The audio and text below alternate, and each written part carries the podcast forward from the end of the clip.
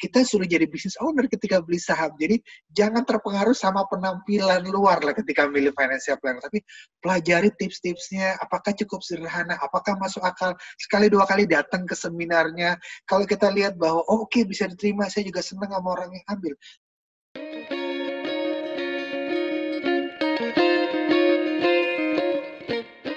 Halo, salam investasi. Yo yo yo, kembali lagi dengan kami tagar.id.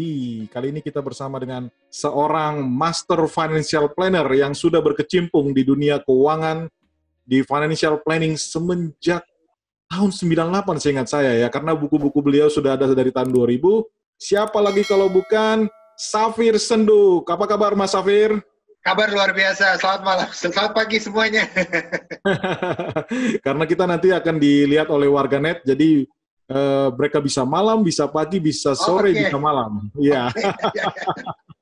Oke, okay, Kang. Uh, mas, sorry, panggil Mas saja ya, Mas ya. Yes. Mas Safir, uh, kita sengaja mengundang Mas Safir karena kita tampaknya melihat ada keresahan. Jadi kemarin tim kita juga kebetulan uh, memfollow Mas Safir baik di Twitter maupun Instagram. Dan mungkin kita bacakan ya Mas ya, yes. ya tulisan dari Mas Safir yang nggak biasanya gitu. Biasanya Mas Safir itu sering dengan quote-quote yang lucu tapi e, bermakna gitu. Tapi kali ini kok tulisannya hitam putih gitu ya, hitam putih. Nah saya bacakan Mas. Jadi ada dua yang kita lihat e, Mas Safir e, post kemarin kalau nggak salah. Jadi tulisannya begini. Jadi advisor itu harus menenangkan, bukan jual ketakutan melulu. Apalagi hanya untuk dapat keuntungan saya jauh lebih respect sama profesi agen asuransi atau pialang sekuritas yang jelas-jelas bilang mereka dapat komisi dibandingkan advisor yang ngaku-ngakunya independen tapi sebenarnya diam-diam dapat komisi dari referensi gitu ya. Jadi ada ada sesuatu yang berbeda dari biasanya nih. Bisa dijelaskan ini kenapa sebetulnya? Pak Safir, Mas Safir. Iya, iya, oke. Okay. Jadi jadi gini, sebenarnya saya bisa mengerti bahwa ini Mas Safir kok biasanya uh, posting sesuatu yang kalau nggak tips, pengumuman seminar gitu ya. Tapi ya. kok kali ini agak berbeda. Kalau nggak sesuatu yang lucu-lucu, tapi kok kali ini agak berbeda. Ya, sejujurnya ya. saya sangat resah gitu ya, karena saya melihat ini sudah agak sedikit uh, keterlaluan ya sudah agak ya. udah udah memang udah agak sering gitu ya bahwa sering kali gini lah uh, sering kali saya melihat bahwa saran-saran keuangan yang diberikan ya. itu pertama sering kali terlihat tidak netral ya terlihat tidak netral terlihat hmm. tidak netral kemudian yang kedua juga kadang-kadang uh, angka-angka yang diberikan pada jadi gini saya mengerti bahwa banyak sekali perencana keuangan atau advisor yang sering kali mempromosikan apa ya mempromosikan jasa mereka melalui pemberian tips di sosial media. Nah, ya. salah satunya mungkin tidak melulu harus berupa pemberian tips, tapi juga uh, ngasih data, data harga ya, data data mungkin data harga rumah sakit kayak, data harga sekolah kayak dan lain sebagainya gitu ya. Tapi ya. sering kali saya lihat angka-angkanya ini adalah angka-angka yang sangat-sangat tinggi. Nah, mungkin hmm. argumennya adalah itu kan angka maksimal segala macam. Iya, angka maksimal. Tapi sering kali angka-angka ini bikin resah. Kenapa? Karena kok kayaknya kok hidup ini kok jadi kok menakutkan ya dengan segala hmm. angka-angka itu hidup jadi artinya, menakut. Sorry Pak, jadi artinya angka-angka itu bukan angka real ya? Bukan harusnya ya. itu memang uh, uh, kasus real yang di-sharing ya? Sebagian memang real, sebagian memang real, tapi realnya ini kadang-kadang real yang kadang-kadang nggak masuk akal. Sama kayak misalnya kita pergi ke sini deh. Ini kalau saya boleh nyebut brand gitu ya, saya boleh nyebut brand. Ya. Misalnya, misalnya orang mau beli emas antam, misalnya aja gitu, orang mau beli emas antam. Ya. Uh, dan kalau misalnya orang kalau bisa di Indonesia bilang emas, emas apa? Emas antam gitu ya. ya. Mas belinya di mana? Beli di Antam. Tapi Antam yang showroomnya Antam di Jakarta itu kan paling cuma ada di sedikit tempat gitu. Jadi jawabannya ya. ben, apa benar kalau beli emas Mas Antam benar. Tapi kalau uh, orang jarang sekali datang langsung ke tempat pembelian Antam kecuali uh, kalau mereka jauh jaraknya jauh sekali gitu jaraknya jauh sekali jadi ya. intinya adalah angka-angka ini sering kali benar tapi angka-angka yang kita kita mungkin eh, jarang memutuskan untuk mengambil angka yang itu misalnya gini deh nah. kita misalnya ada sekolah gitu ya sekolah katakan sekolah harganya masuk sekolah itu harganya 40, 50, 60. Ya. Bener ada sekolah yang angka segitu bener, tapi kalau saya saya mungkin tidak akan memilih sekolah itu dan kebanyakan kalangan menengah mungkin nggak akan pilih sekolah itu. Nah, itu sebagian. Tapi ada kadang-kadang sebagian daftar harga atau data-data yang lain kadang-kadang angkanya ini memang nggak masuk akal juga sih. Seperti biaya hmm. kelahiran lah, segala macam yang angkanya sangat-sangat tinggi seperti itu uh, ya, dengan biaya kelahiran dengan angka 88 juta lah segala macam. Saya ya, 80 ini, juta ya yang lagi lagi ini ya viral ya. ya memang memang tentunya ada argumentasi dari pihak sana. Saya mengerti argumen, tapi kadang-kadang argumentasi menurut saya ini kok argumentasi juga bukan menjawab tapi malah seperti ngeles lah seperti. Tapi intinya adalah uh, saya sih menghimbau aja lah, jangan jangan jangan kasih daftar harga yang memang menakut-nakuti ya, entah bermaksud, hmm. entah mungkin dia nggak bermaksud nakut-nakutin atau apa, tapi impact itu udah menakut-nakuti, tapi menyajikan itu hanya supaya apa? Hanya supaya bikin, uh, hanya supaya mungkin dapat like lah, atau hanya supaya hmm. orang khawatir gitu, karena itu kelihatan hmm. banget, itu hanya sepertinya hanya ingin bikin orang khawatir. Ini yang ini yang meresahkan saya, saya pikir. Oke. Okay. Tapi yang di kalimat terakhir kan uh, Mas Safir bilang ngasih advice jadinya nggak tulus karena motivasinya dapat komisi. Sebenarnya seorang financial planner, apakah itu diperbolehkan dapat komisi dari referensi, Mas?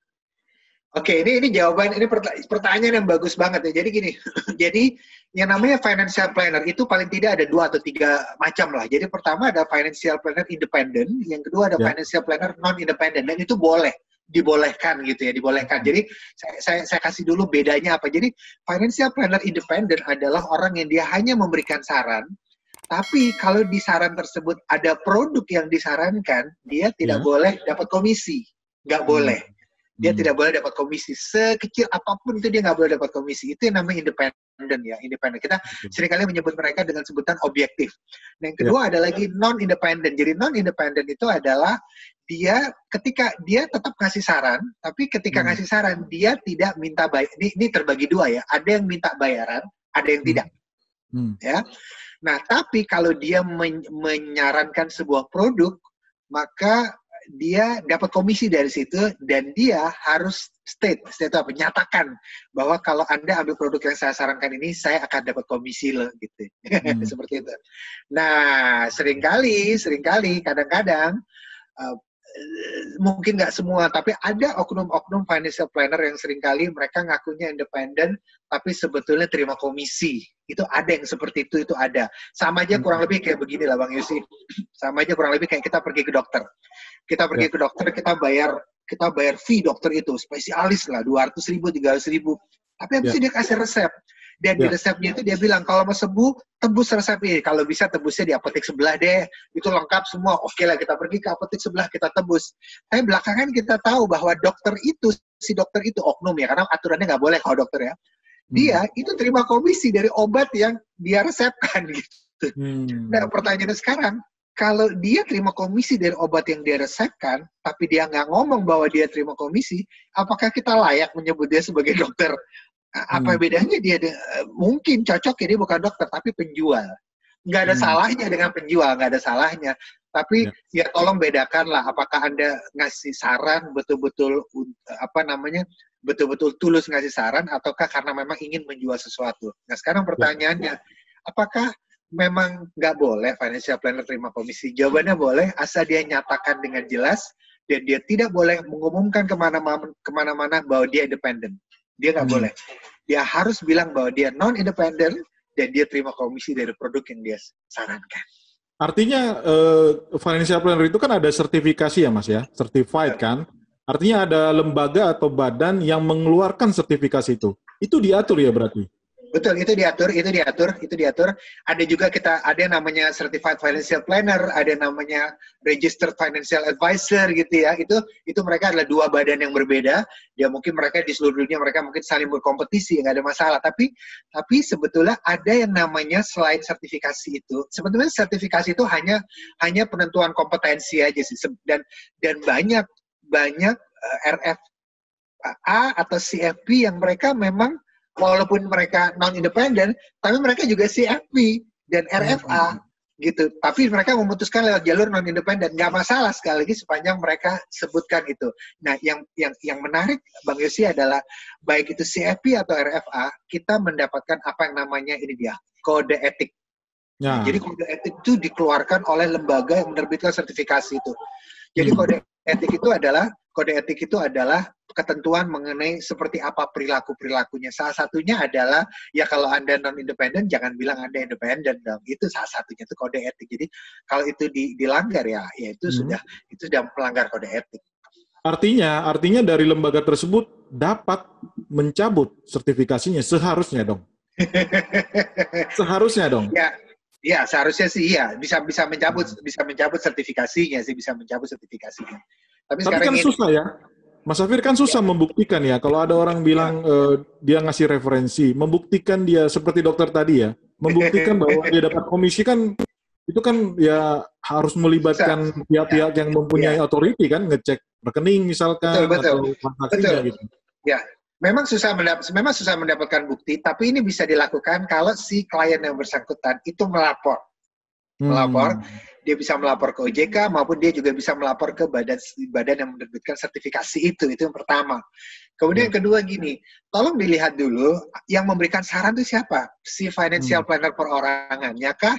Atau bendera lembaganya? Nah ini dia bendera lembaganya. Ah. nah sementara sertifikasi itu kan diterbitkan perorangan kan untuk orang kan hmm. misalnya gitu untuk orang misalnya untuk Safir Senduk Bang Yosi yeah. Girsang misalnya. Tapi kalau hmm. kita berdua bikin bendera, apa kayak apa nama nama benderanya? gitu ya. Hmm. Misalnya bendera nama benderanya APT lah gitu, CV.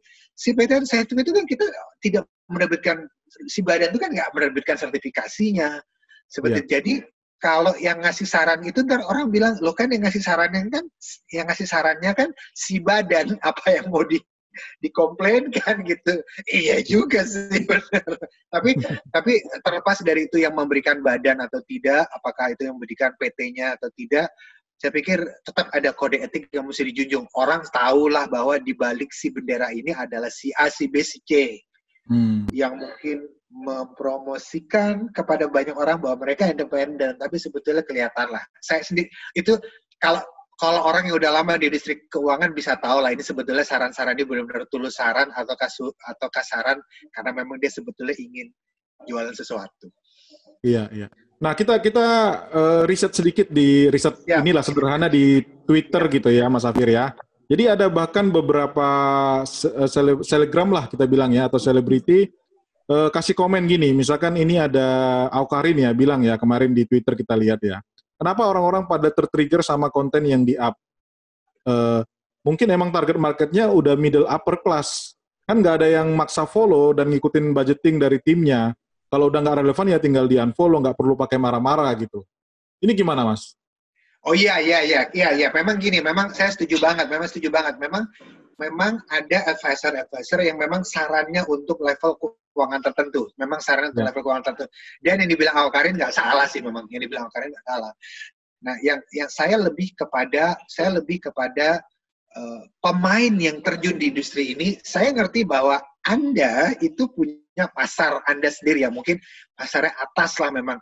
Tapi tentunya ya. ada tanggung jawab, ada yang namanya tanggung jawab lah, tanggung jawab moral lah mungkin, ada yang namanya tanggung jawab profesi ya. lah gitu bahwa sering kali kadang-kadang kalangan kalangan atas sekalipun belum tentu memilih angka maksimal yang dia nah. yang dia berikan di di tabel daftar harganya itu itu belum tentu ya. sama sekali belum tentu kadang-kadang itu dan dan dari situ sebetulnya menurut saya bisa dari tabel harga yang disajikan itu sebetulnya bisa di sebetulnya bisa dilihat lah kredibilitasnya seperti apa. Apakah apakah ya. dia betul-betul tulus atau ingin menjual sesuatu. Jadi kalau menurut saya yang dibilang Al Karin nggak salah, tapi buat saya buat buat bagi saya para pemainnya ini para pemain di industri keuangan ini tetaplah perlu ada yang namanya tanggung jawab moral.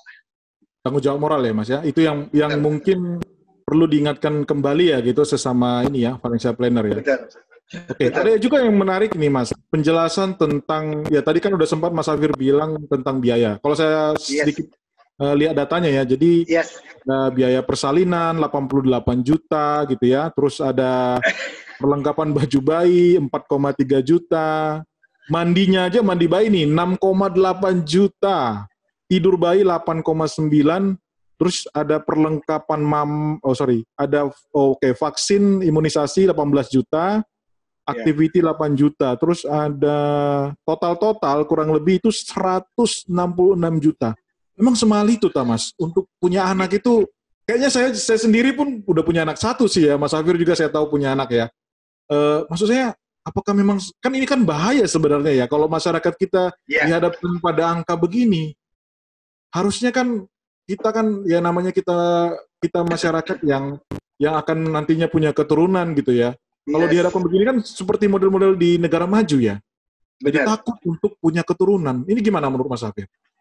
Jadi sebenarnya gini, sebagian angka-angka itu menurut saya masuk akal, sebagian nggak hmm. nggak masuk akal menurut saya. Sebagian masuk akal, sebagian nggak masuk akal. Tapi yang masuk akal itu, yang harganya mahal tapi masuk akal itu, menurut saya memang masuk akal. Tapi saya percaya bahwa bahkan tidak semua kalangan atas pun memilih untuk semaksimal itu angkanya, gitu loh. Contohnya yang mana Mas tadi Mas? Angka yang mana?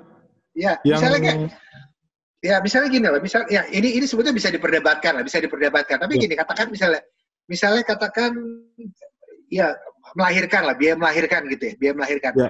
Nah, biaya melahirkan aja sebetulnya saya percaya nggak nggak semua kalangan atas memilih angka segitu kok, gitu. Nggak ya. semua kalangan atas memilih yang angka segitu. Jangan kan begitu ya. Saya bukan satu dua kali melihat orang yang sangat-sangat mampu, yeah. mereka perawatan kesehatannya milihnya pakai BPJS kok, nggak ada mas, nggak ada, nggak ada, nggak ada. Dia bilang saya sih mampu bayar yang mahal gitu, saya mampu. Tapi yeah.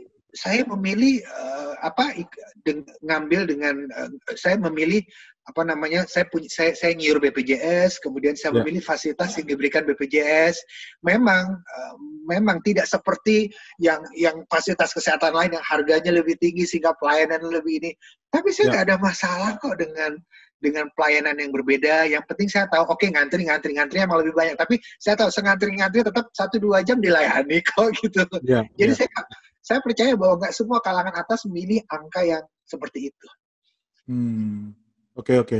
Terus ini ada lagi nih Mas nih yang agak menarik nih tentang ya. jadi akhirnya setelah itu kan rame nih ya, rame. Ya. Bahkan ada penjelasan lanjutan secara akuntansi katanya ya.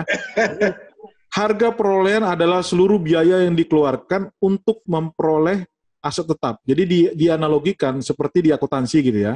Aset tetap tersebut, sorry, uh, seluruh biaya yang dikeluarkan untuk memperoleh aset tetap tersebut mulai dari biaya pembelian hingga semua biaya yang timbul hingga aset tetap tersebut siap digunakan atau dioperasikan.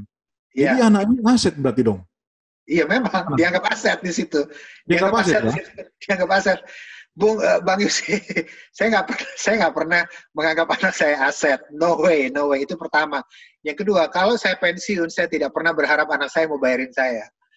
Ini serius ya. Hmm. Oke, okay, oke. Okay. Tapi saya mengerti, saya mengerti ya, saya mengerti.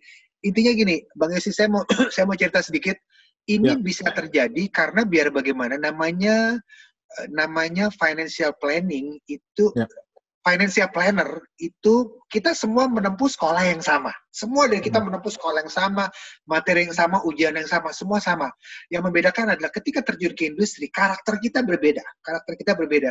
Dan hmm. setiap orang itu selain punya karakter, punya namanya values. Apa itu values? Jadi values itu adalah apa yang dianggap penting ya bagi orang tersebut. Saya kasih contoh misalnya, kalau saya pribadi, saya menulis as semua aspek dalam hidup saya, karir, pertemanan, hobi, kemudian suami, istri, keluarga, kakak, adik semua. Semua saya tulis, kemudian saya kasih skor 1 sampai 10. Yang hmm. paling penting 10, yang paling nggak penting satu. Ada yang saya kasih skor 8 setengah, ada yang saya kasih skor 7 dan lain sebagainya gitu ya. Nanti tiga aspek terpenting dalam hidup saya itu adalah saya anggap menjadi value saya. Tiga aspek terpenting dan biasanya orang akan cenderung boros di tiga aspek tersebut. Nah ini yeah. dia yang menarik. Yang menarik adalah saya banyak ketemu banyak financial planner muda masih hmm. kepala 20-an gitu ya, masih kepala 20-an. Values-nya adalah aset. Hmm. Values-nya adalah aset, membeli sesuatu. Salah satunya adalah mobil. Jadi dia ngasih saran dong di sosial medianya bahwa these are ini adalah barang-barang yang harus Anda punya di usia 25 tahun. Harus Anda punya. Salah satunya hmm. mobil. Wow. Wow. Financial planner itu umurnya 25 Itu menunjukkan values yang terpenting buat dia yeah, adalah yeah. beli mobil. Mobil, yeah. dan, dan dia mempeng gimana ya? Di, dengan dia posting seperti itu, tips keuangan seperti itu di sosial media, berarti dia mempengaruhi apa ya, memberikan saran bahwa semua orang di usia 25 lebih baik punya mobil. Iya. Bagus. Saya ingat ada presiden sebuah negara di di Amerika Latin dia bilang gini, negara maju adalah negara yang masyarakat itu naik kendaraan umum, bukan mobil. Seharusnya begitu, iya betul. Kita pergi ke Singapura. Singapura Anda punya mobil itu mahal setengah mati. Di Jakarta, bagi di Jakarta, Anda saya saya tahu lah 20 tahun lalu mungkin orang tua kita bilang kamu belum sukses kalau belum punya mobil. Oke okay lah 20 30 tahun lalu. Sekarang di Jakarta Anda punya mobil. saya mendingan naik taksi online, Bang. Serius. Iya gitu. jadi jadi juga ya. Jadi intinya adalah bisa jadi saya ngerti bahwa sebagian sebagian financial planner itu baik perorangan maupun lembaga, saya ngerti mereka mungkin pakai tim lah, pakai tim yang yang yang yang mengisi tips di sosial media saya ngerti pakai tim. Tapi timnya itu tolong dilihat dulu values apa yang paling penting buat dia. Kalau timnya itu values terpenting buat dia adalah mobil, hmm. ya sudah. Atau mungkin dia mencantumkan harga segitu, bisa dua kemungkinan. Yang per pertama adalah kemungkinan pertama adalah dia ingin jualan sesuatu, gitu. Ya. Misalnya jualan produk asuransi yang uang pertanggungannya besar. Atau yang kedua, mungkin dia nggak mau jualan sesuatu, tapi mungkin dia sendiri memang ya high class. Hmm. Jadi memang lebih ke karakter atau value-nya dia ya. Berarti karakter kita udah mulai masuk nih intinya nih, uh, Mas ya. Safir Yes. Kalau saya seorang yang belum pernah menggunakan jasa financial planner, saya kan nyari-nyari nih kan, lihat di Instagram, lihat di Twitter, itu gimana tipsnya supaya kita nggak salah pilih, supaya tadi kita kita nggak kejebak ke financial planner yang contoh yang Mas Hafir sebutkan tadi gitu, akhirnya jadi yang bermasalah di masa depan gitu, Mas. Bang sih saya senang sekali kulineran, makan lah ya. Saya suatu hari saya pernah mengajak kolaborasi live Instagram dengan seorang pakar kuliner lah. Adalah lumayan lah pakar kuliner ya. Kemudian ya. jadi saya mewawancarai dia, saya ngundang dia gitu ya. Dia bilang topiknya topik besarnya judulnya adalah ketika sudah ketika kita bingung mau pesan apa lagi di aplikasi. Kan saya suka pesan tuh di di GrabFood atau GoFood uh, makanan gitu ya. Terus setelah ber berbulan-bulan satu dua tahun saya pikir kayak semua yang radius 3 4 kilo saya udah semua. Saya bingung nih mau pesan apa lagi. Saya tanya lah ke pakar kuliner itu ya. Dia bilang begini. Dia memang cerdas banget sih. Dia bilang begini. Siapa suruh pesan di aplikasi? Loh, maksudnya siapa suruh gimana? Terus kita kita gimana pesan makanan? Jadi begini. Mas Hafir, bisa jadi kalau Anda suka makan gado-gado, Mas Hafir, bisa jadi gado-gado tetangga Anda sebelah rumah yang nggak punya restoran itu yang homemade dia bikin gado-gado cuma karena hobi lebih enak daripada gado-gado di restoran gado-gado yang sudah punya 20 cabang hmm. maksudnya apa maksudnya adalah belum tentu yang di restoran punya 20 cabang itu lebih enak daripada gado-gado rumahan yang dibikin karena hobi. Cuma mungkin gado-gado rumahan ini, karena dia bikinnya karena hobi, dia nggak masuk aplikasi, kemudian dia low profile. Hmm. dia nggak pernah punya sosmed bikinnya aplikasi oh gitu. Saya pikir oh iya benar juga ya. Iya, iya. benar juga. Terus itu yang pertama. Yang kedua mas Hafir kalau anda lihat misalnya anda ketik sate di aplikasi sate paling atas kita cenderung pesan yang paling atas kan. Ketahuilah bahwa yang paling atas belum tentu yang paling enak. Loh kalau gitu kenapa dia bisa di atas? Karena kebetulan paling banyak yang pesan dia. Mungkin area sate paling atas tuh area penduduknya lebih padat sehingga banyak yang pesan sama dia jadi belum tentu yang paling enak. Coba kalau di aplikasi Mas Hafir, coba scroll-scroll. Siapa tuh yang paling bawah, malah lebih enak. Tapi memang mesti dicoba beli dulu. Baru tahu yeah. seperti itu. Yeah. Terus pertanyaannya, loh kalau gitu, kalau nggak ada aplikasi bagaimana tahunya? Ya anggap aja kita 10 tahun lalu waktu belum ada aplikasi, apa yang kita tahu kalau kita ketemu makanan enak? Saya bilang, saya catat sih nama nomor teleponnya. That's it, catat nama nomor teleponnya. Kemudian sering-sering join grup WA kompleks. Supaya apa? supaya kita tahu siapa yang jual makanan apa, kita cobain kalau enak pesan lagi. Dan belum tentu hmm. dia dia kalah enak, bisa jadi tetangga kita lebih enak daripada yang ada di aplikasi. Yeah. Bang Yusi, kalau Anda bertanya financial planner mana yang bagus, bagaimana cara milih ini jawaban saya.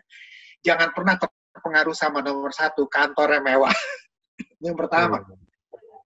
Jangan pernah terpengaruh sama itu dia organisasinya besar banget, banyak banget planner. Jangan pernah terpengaruh karena itu itu dua. Yang ketiga, jangan pernah terpengaruh sama postingan sosial medianya yang kadang kadang terlalu heboh dan lain sebagainya. Bisa jadi financial planner lain yang mungkin sosial medianya followernya cuma sedikit, tapi dia mungkin konsisten, sarannya lebih bisa diterima, basic tapi lebih bisa diterima, jelas sarannya bisa jadi si financial planner itu lebih cocok diikutin sarannya dibanding dibanding orang lain misalnya. Saya saya, saya sendiri juga lihat misalnya saya sendiri juga lihat banyak sekali orang yang suka ngasih saran-saran tentang saham yang agak ngawang-ngawang misalnya gitu ya, yang agak ngawang.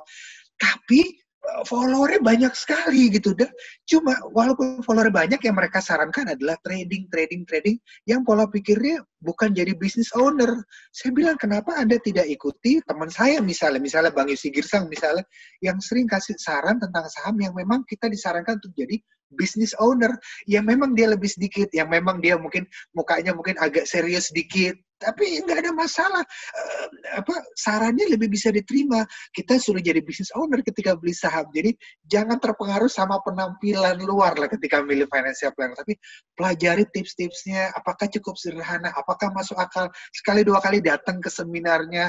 Kalau kita lihat bahwa oh, oke okay, bisa diterima, saya juga senang sama orang yang ambil. Tapi kalau orang yang mungkin mungkin high class uh, ini penting Bang Yusi. Kenapa? Karena industri keuangan ini sangat penting untuk financial planner itu punya karakter yang dia harus membumi. Ya, hmm.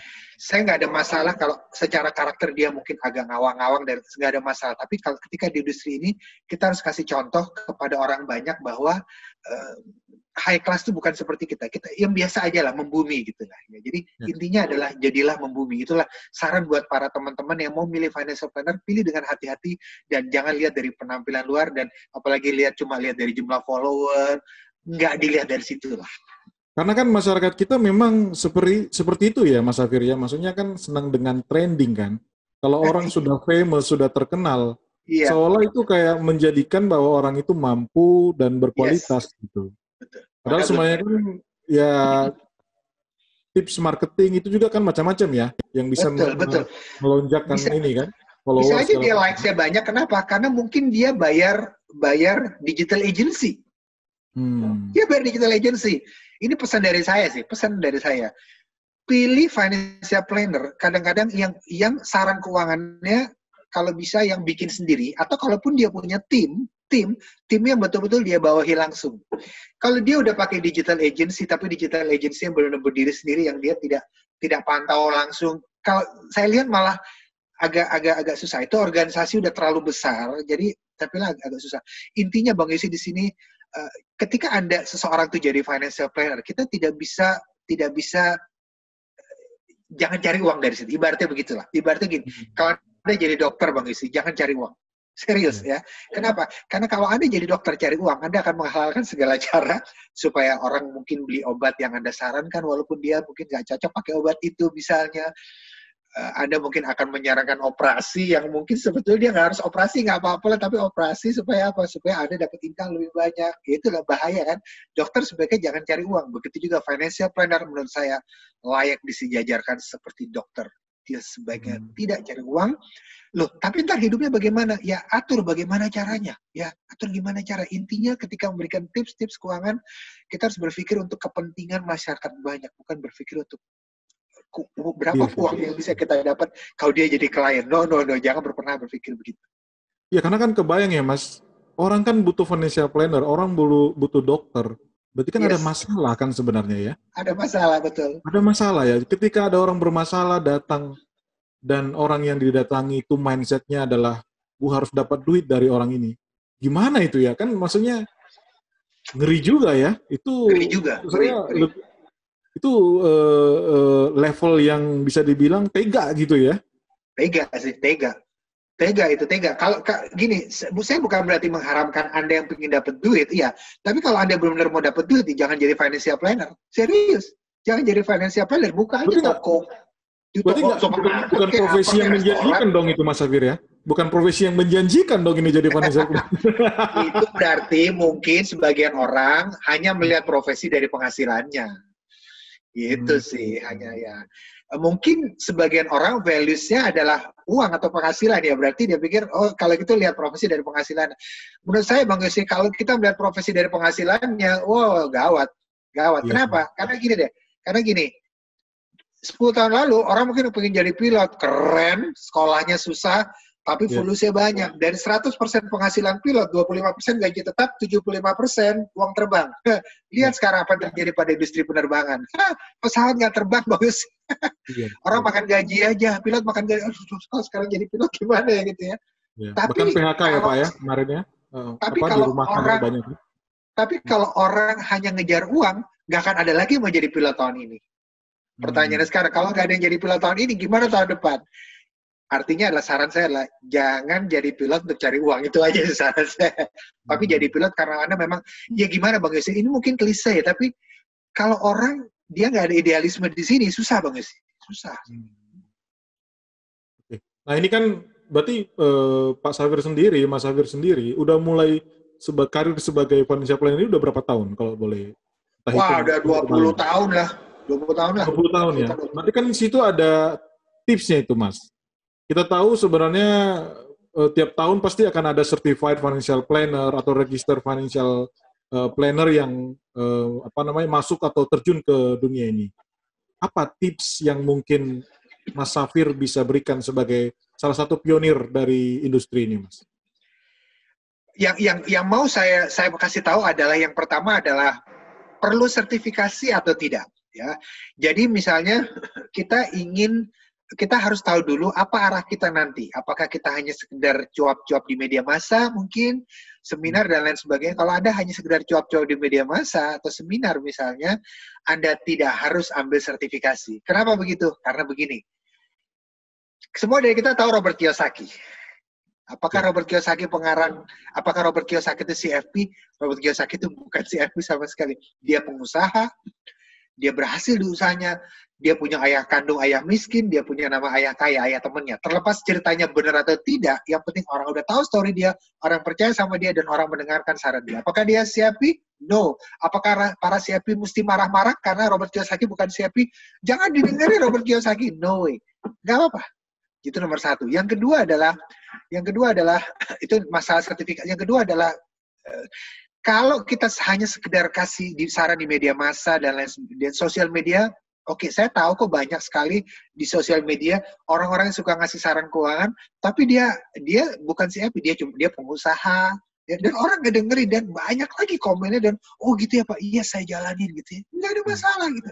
Tapi begitu dia melayani klien, Begitu dia melayani klien, dia harus siapi. Jadi sekarang udah terjawab apakah orang perlu sertifikasi atau tidak. Yang kedua adalah ini dia, bagaimana tipsnya untuk orang itu bisa bisa apa namanya bisa bertahan di industri ini. Kalau saya bilang adalah para CFP atau pemain di industri ini harus bertahan pada yang basic. Harus hmm. bertahan pada yang basic. Tidak jangan melulu jangan melulu cari sesuatu yang mungkin rumit-rumit, jangan cari sesuatu yang kompleks berikan yang basic. Loh kan ntar lama-lama orang pada tahu enggak? Orang ada udah tahu dia akan gini, ada lagi orang baru lagi, ada lagi orang baru. Angkatan yang umur 17 tahun ada lagi, angkatan umur 21 tahun ada terus. Saya sering kali memberikan saran yang sama, 20 tahun lalu sampai sekarang sering kali banyak saran yang sama untuk orang yang beda-beda, karena orang yang baru terus. Ya, yeah. cara penyampaiannya mungkin berbeda, tapi intinya sama karena orangnya baru terus gitu ya. Jadi nggak usah khawatir. Jadi nomor satu adalah jangan ragu memberikan saran yang basic dan jangan melulu saran yang kompleks, saran yang yang rumit gitu, sarannya rumit ya. Saya ya saya sendiri belajar banyak dari dari Bang Yusin misalnya tentang bagaimana belajar tentang saham misalnya seperti itu. Itu banyak hal-hal basic dan begitu dirumitkan itu gawat. Yang pertama, yang kedua adalah ketika memberikan tips ketika memberikan tips, berikan tips yang memang bahasanya kalimatnya memang membumi, simple membumi. Kenapa? Karena sering kali customer kita itu bukan orang keuangan. Tapi kan customer kita kan banyak yang high network, Pak Safir. High network yang memang penghasilan tinggi. Saya kasih tahu sama Anda, Bang Yusi, bahwa sering kali nasabah prioritas perbankan sekalipun belum tentu ngerti soal keuangan. Seringkali nasabah perbankan nasabah prioritas diperbankan sekalipun dia punya banyak sekali dana karena mungkin warisan dari orang tuanya atau dia banyak dapat penghasilan dari tokonya, tokonya laku tapi sering kali dia milih deposito aja bingung gitu ya. Dia obligasi itu apa dia juga nggak tahu gitu ya. Jadi hmm. jadi jangan ragu memberikan saran yang memang basic, saran yang memang simple tapi saya selalu bilang, kalau nggak salah Albert Einstein bilang apa, kalau anak SD pun nggak ngerti Anda ngomong apa, berarti Anda tidak cukup pinter membahasakan itu. Wow. Jadi intinya wow. hanya itu aja. wow, luar biasa. Berarti memang faktanya di lapangan financial literacy masyarakat kita pun masih banyak yang perlu uh, dapat bantuan lah istilahnya gitu ya Mas ya. Artinya akan kan, selalu iya. bahkan iya. porsinya iya. mungkin lebih besar yang tidak paham dengan yang sudah paham kan. Artinya akan selalu dibutuhkan financial planner financial planner muda yang baru yang masuk ke industri ini. Betul, betul, betul, betul. Oke, luar biasa sekali. Nggak terasa sudah kita diskusi dengan Mas Safir Senduk yang sudah lama malang melintang di dunia industri financial planning, sudah lebih dari 20 tahun. Terima kasih untuk kesediaannya Mas Safir. Semoga nanti uh, video kita ini juga bisa bermanfaat untuk teman-teman yang mendengar, yang nantinya mau memilih siapa yang menjadi financial planner-nya. Terima kasih, sampai ketemu. Salam investasi. Yo, yo, yo.